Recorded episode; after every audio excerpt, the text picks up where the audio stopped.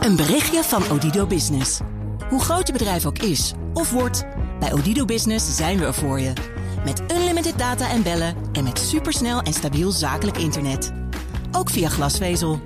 Ontdek wat er allemaal kan op odido.nl/slash business. Het kan ook zo. Studio Den Haag. Het debat in Den Haag is al zeven uur bezig, maar het is nog steeds uiterst onzeker of het kabinet zijn zin krijgt en het stikstoffonds ter waarde van ruim 24 miljard euro er komt. De oppositie wil weten hoe al die miljarden precies worden besteed straks. En ze vrezen dat de doelen niet duidelijk genoeg zijn. Waardoor het geld straks niet op de juiste plekken terechtkomt. In Den Haag staat politiek verslaggever Leonard Beekman, die het debat al de hele dag volgt. En bij ons is hoogleraar economie Zweder van Wijnbergen van de Universiteit van Amsterdam. Geen Kamerlid, maar ook uiterst kritisch op de plannen. Goedemiddag allebei. Goedemiddag. Goedemiddag. Uh, Leendert, na uren debat, wat is jouw inschatting? Gaat dat fonds er komen of niet? Ja, het wordt uh, spannend. Minister Van der Wal moet namelijk BBB ofwel Partij van de Arbeid GroenLinks overtuigen van haar plannen. Want zonder hen is er simpelweg geen steun in de Eerste Kamer. En ik moet zeggen dat de oppositie op dit moment kritisch is en kritisch blijft. Ja, wij zeggen nu steeds stikstoffonds, geld om de stikstofproblemen aan te pakken. Maar we moeten transitiefonds zeggen ja, officieel, toch? We, we, moeten het transitiefonds noemen. En dat is eigenlijk ook wel heel toepasselijk. Want waarom, hè, waarom uh, moet Van der Wal nou toezeggingen doen richting Partij van de Arbeid, GroenLinks of BBB? Dat heeft ermee te maken dat zij willen weten hoe gaat dat geld nou eigenlijk besteed worden. Partij van de Arbeid en GroenLinks zeggen: we willen niet alleen dat het aan stikstof wordt uitgegeven, maar mm. ook aan klimaat en aan waterkwaliteit. En BBB is dan weer bang dat het fonds een duizend dingen doekje wordt. En dat daar te veel problemen mee opgelost moeten gaan worden. Nou, minister Van der Wal zegt: daarover praten we vandaag helemaal niet. Het gaat namelijk op dit moment over iets heel anders. Ja, voorzitter, wat we nu doen is de bankrekening oprichten, niet het budget. Het is niet zo dat we de bankrekening oprichten en 24,3 miljard overmaken en dan maar vrij kunnen gaan, uh, gaan strooien. En zo is het niet. Um, dus um, uh, we hebben het nu niet over het budget, maar over de bankrekening. En bij de begroting zelf is de Kamer volop aan zet. Uh, en zit maximaal aan het stuur om ook uh, te controleren um, uh, en de rol van de Kamer te pakken als het gaat om uh, waaraan worden de middelen besteed. Ja, dus minister Van der Wal zegt vandaag gaat het alleen nog maar over de oprichting van het transitiefonds. De coalitie staat achter de stikstofminister. maar ja. Zoals ik al zei, in de Eerste Kamer is er nog niet genoeg nee. steun. Zweden van Wijnbergen, ja, de Kamer maakt zich te vroeg druk. Het gaat nu alleen maar over het oprichten van een fonds, zegt de minister. Heeft ze gelijk? Nou ja, het is natuurlijk één groot toneelstuk. Het is volkomen logisch dat ze niemand kunnen overtuigen van een doelstelling, van, een, van wat ze gaan doen, omdat ze dat evident niet weten. Het, het, hele idee van het klimaatfonds is, nou, dan kopen we weer lekkere tijd, extra tijd. Dan kunnen we nog eens gaan doorbakkelen over wat we eigenlijk met dat geld willen doen. Nee, het is natuurlijk onzin. Het, en, het, en, en weten ze niet wat ze willen doen, of worden ze het er niet over eens wat ze willen? Nou, het verschil heel groot is. Ze zijn heel erg aan het praten. We willen dit, we willen dat. En er wordt alles opgegooid. Maar Van der Wal heeft eigenlijk alleen maar gezegd. Er zijn Europese doelstellingen die we vijf jaar eerder halen. En nou ja, gooi het maar over de, over de schutting bij de provincies. En we zien wel, oh ja, we willen 28 miljard uitgeven. Ja. Nou, dat is natuurlijk het hele proces precies verkeerd om. Want hoe zou u het uh, vormgeven? Beginnen, wat betekenen die doelstellingen? Hoe kun je die bereiken? Wat zijn daar verschillende opties? Daar ga je een hele cost-benefit-analyse op doen. Daar hebben we een planbureau voor, die kan dat. Uh, gegeven dat je het moet halen, je moet het namelijk halen, dat Europese regels. Uh, wat is de meest kosteffectieve? Ga zo maar door. En daarna ga je eens een keer kijken, oké, wat moeten we dat misschien wat terugschalen? Moeten we het anders doen, want het wordt te veel. Maar nu, hoe beoordeel je nou of 24 miljard veel of weinig is? En wat doe je het stikstoffonds is misschien nog idioter dan al die andere fondsen. Want het betekent echt helemaal niks. Stel dat je halverwege ontdekt, oh, ik heb, de, ik heb het eerder bereikt. 12 miljard. Dan ga je dan 12 miljard, wat, wat ja, doe je daarmee? Nou, of je, je, ontdekt bij 24 miljard dat je nou, nog niet halverwege bent. Het is Europese regelgeving, je moet door. Ja, dus dat eerst plannen echt maken helemaal niks. en dan er een prijskaartje op plakken. Leendert, is er, is er echt helemaal niets duidelijk waaraan dat geld zou moeten worden uitgegeven? Nou, het kabinet heeft wel in het coalitieakkoord hebben ze een tabelletje opgenomen waarin staat waar dat geld dan naartoe moet. Maar dat is wel natte vingerwerk, moet ik zeggen. Ze hebben in ieder geval geld tot en met 2030 gereserveerd. Bijna 14 miljard voor de aankoop van boerderijen dan wel vrijwillig, dan wel verplicht. Of in ieder geval de uitkoop van uh, mensen die het natuur belasten door middel van stikstof. Dat kunnen ook bedrijven kunnen dat zijn. Ja. En de financiële afwaardering van grond. En dan voor de naleving, of in ieder geval voor de verduurzaming en de innovatie. Uh, wordt tot 2030 ongeveer 4,3 miljard uitgetrokken. Maar de bal ligt op dit moment, om hoe wordt dat dan verder ingevuld, ligt bij de provincies. Voorzitter, het is aan de provincies, samen met de gebieden nogmaals, want daar moet het gebeuren, om te kijken hoe gaan we de doelen halen. En welke combinatie van maatregelen zijn daarbij het meest doelmatig en doeltreffend? Uh, dat is de centrale vraag die voor ligt. En dat zal per gebied verschillen. En ik, ik ga niet vanuit hier zeggen, heb ik altijd gezegd, ik stuur op de wat. Ik stuur niet op de hoe. Dat is nou juist aan de provincies. Ja, dus de minister zegt: ik stuur op, de, op wat. En dat is natuurherstel. En de provincies moeten vormgeven aan het beleid. Ja, meneer Van Wijnbergen, is het juist niet heel verstandig om ja, dit gevoelige dossier bij de provincies neer te leggen? Want die hebben, die, die hebben directe, die zitten veel dichter op die boerenbedrijven. Je kunt altijd provincies voorstellen laten doen. Maar vooropstellen, kijk, als je zomaar een bedrag uit de lucht plukt en zegt: ik ga 24 miljard reserveren, dat betekent niks. Dat betekent gewoon dat ze zeggen: we gaan dat uitgeven zonder daar dekking voor te hebben. Maar goed, dat is een tweede punt.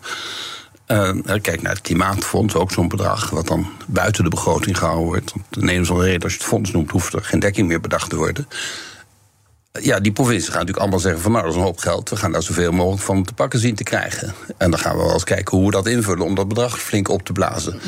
En vervolgens eindig je met wat je ziet bij een van die andere fondsen, Klimaatfonds, een baaierd aan plannetjes en totaal geen systeem, geen overzicht. Maar denkt u dat de provincies echt gaan graaien? Ik denk dat als jij als provincie te horen krijgt... er staat er 28 miljard klaar, dien maar plannen in... dat als je al die plannen bij elkaar optelt... je dik over die 28 miljard heen gaat, ja, natuurlijk. En dat is ook niet onlogisch. Dan kun je die provinciebesturen eh, geen ongelijk in geven. Maar de, de hebben wel die opdracht gekregen. Gaat het ze ook lukken dan om met die plannen te komen? Ja, ze zullen wel moeten, want 1 juli moet er namelijk een gebiedsgerichte aanpak klaar liggen. En het is al bijna zover. We zitten nu uh, nou ja, half mei bijna. Mm. Uh, nog anderhalve maand te gaan. En dan is ook weer het jaartal, uh, Liesbeth. Ja. Het jaartal is ook weer een, een heikel punt. Daar is hij weer. Want we, we weten vanuit de provincies, hè, BBB, uh, Utrecht nu niet meer, maar in alle andere provincies zijn ze aan zet. Dat zij zich niet willen committeren aan 20 30, maar aan het jaar dat het nu in de wet staat, 2035. De wet moet nog aangepast worden. En dat is problematisch, legt ook Pieter Omzicht uit. Maar in de wet staat 2035. Het kabinet kan geen beleid op 2030 maken voordat ze die wet veranderd heeft of voordat duidelijk is dat die wet veranderd wordt. En het kabinet durft die wet niet in te dienen. Dan kom je dus bij de belachelijke situatie aan dat je anderen dwingt om die ergens aan te houden, wat je zelf als kabinet niet durft te besluiten. Ja, en dat is een spagaat. Dat merk je ook bij provinciebesturen en ook bij de onderhandelingen nu, maar dat mm-hmm. ook aan de tafels van het landbouwakkoord. Ja, heel veel groepen. Uh, eh, willen zich aan 2035 vasthouden. Maar het coalitieakkoord staat nog 2030 in. En ook hier weten we dat het CDA zometeen uh, het coalitieakkoord hierop wil openbreken. En dat hangt echt als, het zwaar, als een zwaard van Damocles hangt dat op dit moment boven dat hele stikstofdossier. En dan is het toch wel heel lastig om beleid te gaan maken, ook voor die provincies. Wat zegt minister Van der Wal dan? Ja, de provincies moeten toch aan de slag met de kaderrichtlijn water. Kortom, ze moeten ervoor zorgen dat het water schoon wordt. Dat moet in 2027. En ze moeten aan de slag met de klimaatdoelstellingen voor 2030. En in dat geval is het toch wel handig om stikstof gelijk maar mee te nemen. Want waarom zou je dat dan nog even parkeren? Dus het komt wel goed. Dat was vandaag de uitleg van minister Van der Wal. Ja, meneer Van Wijnberg, ik zie u schudden. Nou ja, ik heb zelden zo'n verward verhaal gehoord. Maar als u weet dat... Uh, Niet van Leendert, hè. Dat er geen, enkel, geen enkele provincie nog iets ingediend heeft... moet over anderhalve maand klaar zijn. Dan ook nog kosteffectief en ook nog uitgekost worden... en kijken of er overal aan die Europese... Dat gaat gewoon niet gebeuren. En Van der Wal houdt gewoon de ogen dicht. Die heeft geen idee wat ze wil doen. En hoopt dat andere mensen het voor haar oplossen. Ja, dat gaan ze natuurlijk niet doen. En je noemde net, ze noemden net nogal wat. Hè. Niet alleen, het is kennelijk is dezelfde chaos bij het klimaat en water, ga zo maar door. Ze zeggen allemaal dat moet gebeuren. Wij zijn van de doelstellingen en de mensen bij de provincies moeten uitvoeren. Maar die hebben, in wat voor kader gaan ze dat doen? Moet een provincie gaan zeggen: ik ga mensen dwingen uit te kopen? Dat kunnen ze helemaal niet. Er is geen wettelijke basis voor.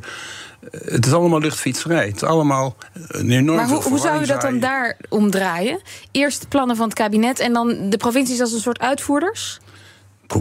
Ze zal om te beginnen moeten zeggen een aanpak moeten hebben van oké, wat zijn precies doelstellingen? Uh, die moeten we bereiken. Hoe gaan we dat doen? Wat is daarvoor nodig om dat uit te voeren? Die omgeving gaan we creëren. En dan kun je vervolgens kijken wie dat uitvoering, dat zal, dat zal voor, hangt van de maatregel af. Als je hele specifieke voorstellen wil doen over het soort landbouw die wel en niet mag, nou dat zal ver van natuurgebieden anders zijn of vlakbij natuurgebieden, dat geloof ik wel. Maar voordat dat allemaal gedaan is, is het al lang 2030. Ja, dat 2030 is natuurlijk een raar iets. Daar hebben ze gewoon een getal. Dat is eigenlijk ook, alles wordt andersom gedaan. Eerst, eerst zeggen we het moet voor 2030. Daarna gaan we kijken wat we gaan doen en daarna of het kan. Nou, dat had ik graag een omgekeerde volgorde gezien. Ja, en u, stelt dezelfde problemen vast voor dat klimaatfonds, uh, zei je net zo. 35 miljard, ook buiten de begroting. Ja, um, ja Leonard, we worden er niet vrolijker en optimistischer van. Wat denk jij? Gaat dat uh, transitiefonds er uiteindelijk komen?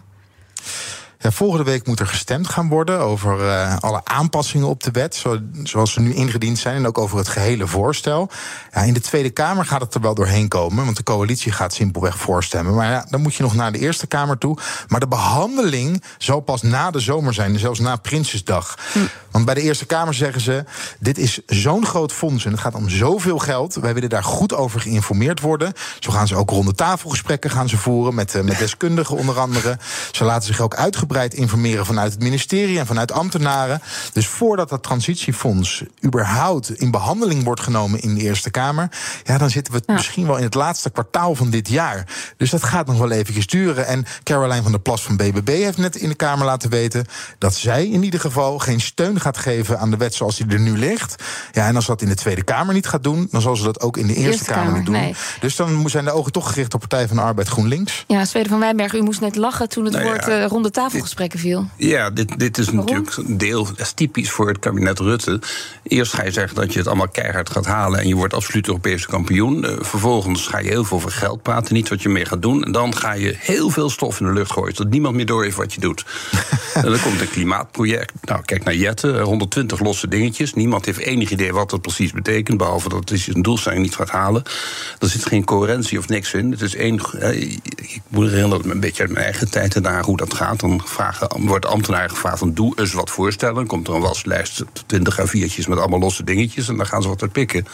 Ja. En het, uiteindelijk is het een weerwar van inefficiënte, onuitvoerbare of niet eens ingevulde maatregelen. Eh, maar waar dan vervolgens nog eens een hoop geld op plakken. Denken ze daar in Den Haag ook zo scherp over? Ja, uh, het idee van uh, de analyse eigenlijk dat er een rookgordijn uh, opgeworpen wordt, dat hoor je in Den Haag ook zeker wel. Maar als je naar de coalitie luistert, dan zeggen ze ja, dit transitiefonds dat is zo belangrijk uiteindelijk voor de, hè, voor de uitvoering van de plannen zoals wij dat hebben. maak dit niet al te groot. Zorg er gewoon voor dat die bankrekening geopend wordt en dan gaan we later gaan we, gaan we daar invulling aan Zorg geven. maar eerst voor dat ze überhaupt die plannen hebben. Ik hoor dat u op de koffie moet bij eh, Van der Wal. Nou, ik denk dat ze wel kan rijden wat ze krijgt. Dat, uh... Dank voor de koffie hier dan. Hoogleraar Economie Zweden van Wijnbergen... en politiek verslaggever Leendert Beekman. Een berichtje van Odido Business. Hoe groot je bedrijf ook is of wordt... bij Odido Business zijn we er voor je. Met unlimited data en bellen... en met supersnel en stabiel zakelijk internet. Ook via glasvezel. Ontdek wat er allemaal kan op odido.nl slash business. Het kan ook zo.